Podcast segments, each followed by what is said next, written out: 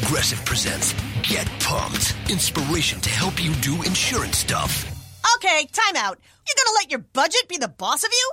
Take control with Progressive's Name Your Price tool. Tell us what you want to pay for car insurance, and we'll help you find options that fit your budget. Here's some music to get you pumped. Da-dong, da-dong, da-dong, da-dong, dang, dang. I hear your budget laughing at you. Oh, wait, that's just those kids laughing at me. Ignore them! Da-dong, da-dong, Progressive. Casualty Insurance Company and affiliates. Price and coverage match limited by state law.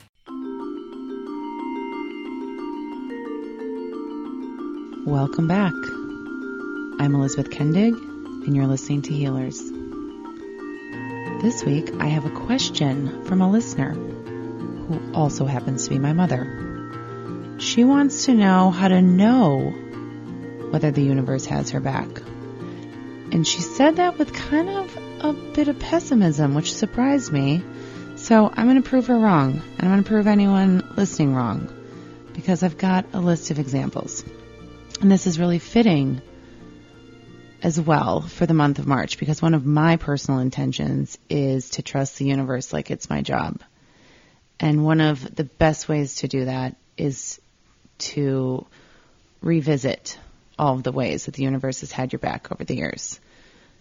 So let's take it from the top. One of the easiest ways to know is when you need a parking spot and it just appears in the busiest parking lot or right in front of your townhouse in New York, which happens to us all the time. And I used to actually ask my guides, my team up there for a parking spot as I was making my way to my destination. Now I rarely even do it. I just always notice it when it happens and send out my gratitude. So parking spot number one. Number two, you get a bonus at work, a gift, a refund, a tax return, some really random discount on something exactly when you need it most. Because you've got some big expense that suddenly hit, or a bill you forgot to pay, and the answer just magically appears. Okay, number three. Um, this happens to me a lot too. So you need a nanny because yours has decided that she wants to backpack through Europe instead of help you out all summer like she promised. You need a new accountant. You are thinking about trying acupuncture, but you don't know a good acupuncturist. Uh, you're developing a new website, but you know nothing about web development, and you need this person. Ask for it because within a day or two, you're going to hear from a friend who has a recommendation. You're going to find a business card in the bottom of your tote that you totally forgot about. Or you're going to stumble onto some website or Instagram account and just know that this is the person you've been looking for. Okay, next up. I did write these down, by the way. I'm not just winging it like I normally do. Okay, you narrowly escape getting hit by a car, tripping on something, falling down the stairs. Um, you go a different way home for no apparent reason other than uh, just a gut instinct, and it turns out that there was an accident on that road, or a traffic jam, or bad weather. That's that is like that just takes the wind out of me sometimes when I feel like I just narrowly avoided a disaster.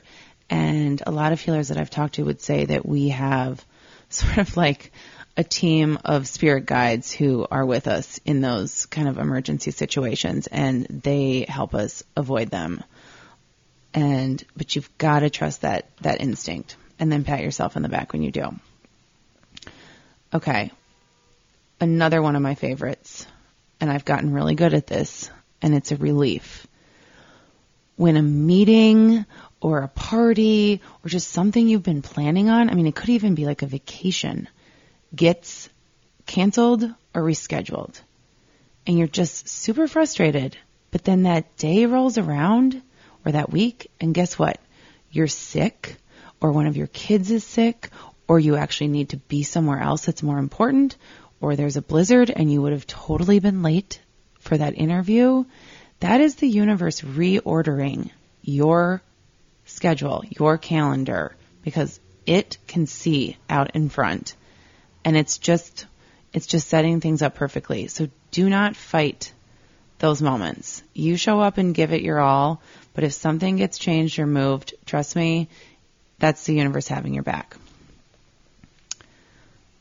I can give you actually a really good example of this. We, um, for my 40th birthday last summer, my dream was to get a ho- rent a house in Maine and have my siblings and my husband's siblings and their partners spend a week there with us on some, you know, dreamy beach house and just drink rosé and eat lobster and this was a bucket list thing for me. So we started looking for houses. We just could not find the right one. Um, there were kind of scheduling conflicts within our family it just was not coming together and I was really frustrated. And then guess what? A few weeks later, we got engaged and our summer became all about our wedding and it would have, it would have been way too much. So I really, we laugh about that one because normally we're, we're really, we're pros at travel and making travel plans and committing to them. And this was definitely, um, this was definitely some foreshadowing. So Okay. Um, I promised when we moved to New York that I would tell the story of how we wound up in our home here because to me it was kind of a top five universe having my back moment. Um, we decided to move here for work, um, and because my husband Ty is from here, and it was just the right time, and I really wanted to see where he was from and experience this magical city with him, as well as explore some new career opportunities for us both. The biggest question was how are we going to find a place to live? Because it's hard enough to when you live in New York, but at a distance, it's almost impossible. Or you're just going to settle for something that, you know, is on the market for about a day and then gone. So we thought about things like moving in with my mother-in-law, which we thought about for maybe a day. We love you, Reggie, but uh, that would have been hard on everyone, probably. Uh, we thought about flying back and forth for weeks and, and looking at places, which sounded just painful and expensive as well.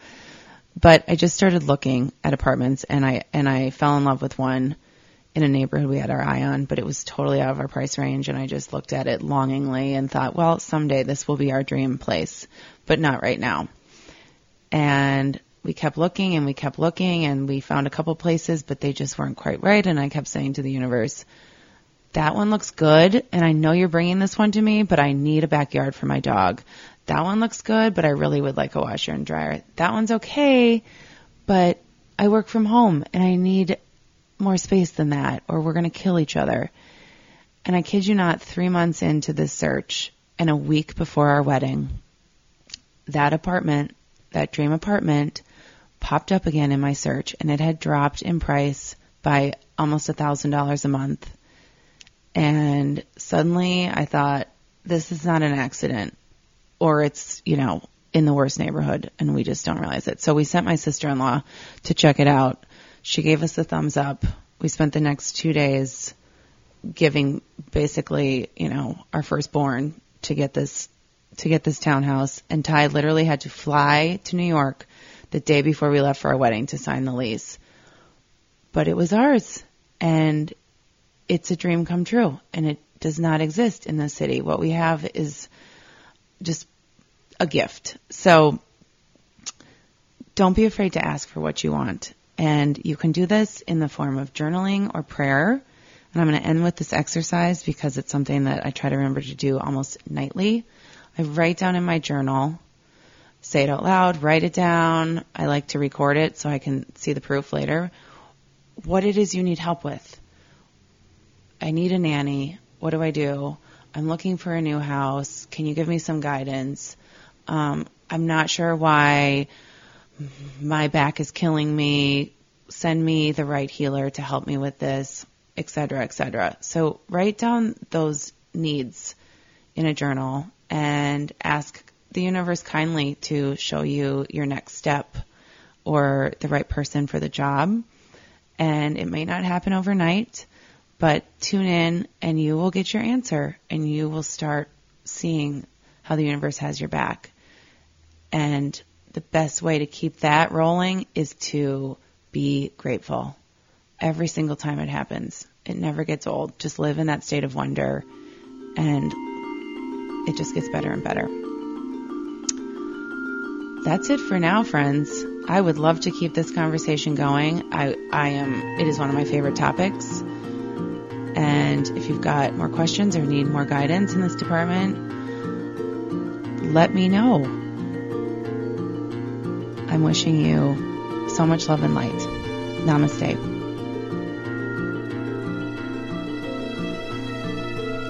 For notes from our show, to listen to previous episodes, or to find out more about this healing journey, visit healerswanted.com. Healers is hosted by me, Elizabeth Kendig, and produced by Phil Mackey and Derek Wetmore.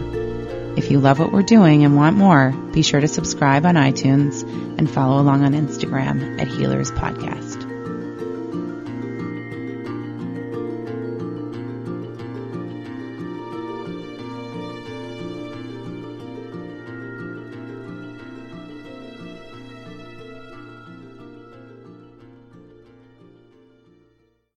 I'm Rita Foley with an AP News Minute. Thousands of residents of North Carolina are running for their lives after heavy rain from the big storm Alberto triggered landslides at a dam that's in danger of breaking. Missouri Governor Eric Greitens is resigning amid investigations about an extramarital affair and questions about campaign financing. I know, and people of good faith know, that I am not perfect. But I have not broken any laws nor committed any offense worthy of this treatment. Roseanne Barr is apologizing to those who lost their jobs now that her TV show's been canceled after she tweeted a racist comment about an advisor to former President Obama, Valerie Jarrett. First of all, I think we have to turn it into a teaching moment. I'm fine. That's Valerie Jarrett speaking there. Wall Street expected to open higher after a tough day yesterday. The Dow lost 391 points to close at 24,361. I'm Rita Foley.